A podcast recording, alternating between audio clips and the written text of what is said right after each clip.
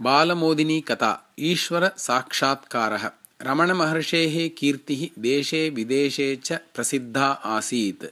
तस्य विषये महतीं श्रद्धां वहन्तः भक्ताः वदन्ति स्म यत् रमणमहर्षिवर्यः भगवत्साक्षात्कारम् अपि प्राप्तवान् अस्ति इति।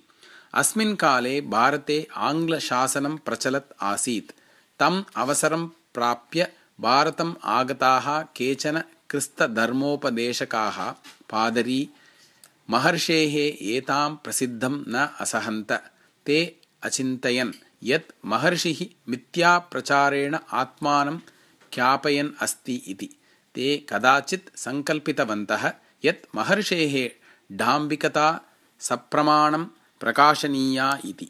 अतः ते कतिपयैः विदेशीयैः पत्रकारैः सह महर्षेः रमणस्य आश्रमम् अगच्छन्। महर्षिः सहर्षं तान् स्वागतीकृतवान्। ते महर्षिम् अवदन् भवतः विषये श्रूयते यत् भवान् ईश्वरस्य साक्षात्कारं प्राप्तवान् अस्ति इति। अद्य वयं साक्षात् द्रष्टुम् इच्छामः यत् भवान् कथम् ईश्वरस्य साक्षात्कारं करोति इति। किम् अस्मभ्यम् अपि भवान् तम् ईश्वरं दर्शयितुं शक्नुयात् इति। तदा मन्दं हसता रमणेन उक्तम् अवश्यं श्वः प्रातः समागत्य भवन्तः अपि मया सह ईश्वरसाक्षात्कारं प्राप्तुम् अर्हन्ति। अनन्तरदिने प्रातः सर्वे आङ्ग्लाः पत्रकाराः च रमणाश्रमं समागताः। पूजायाः अनन्तरं रमणमहर्षेः तैः सह काननं प्रति प्रस्थितः।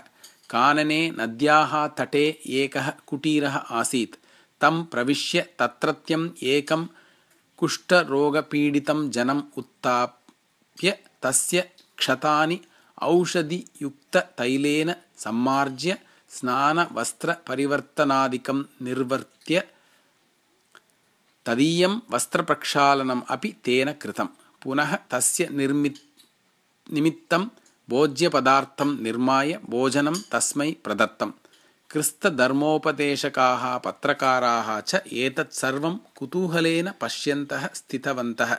सर्वं समाप्य आत्मना सह समागतान् आङ्ग्लान् सम्बोध्य रमणः अवदत्। एषः एव मम ईश्वरः।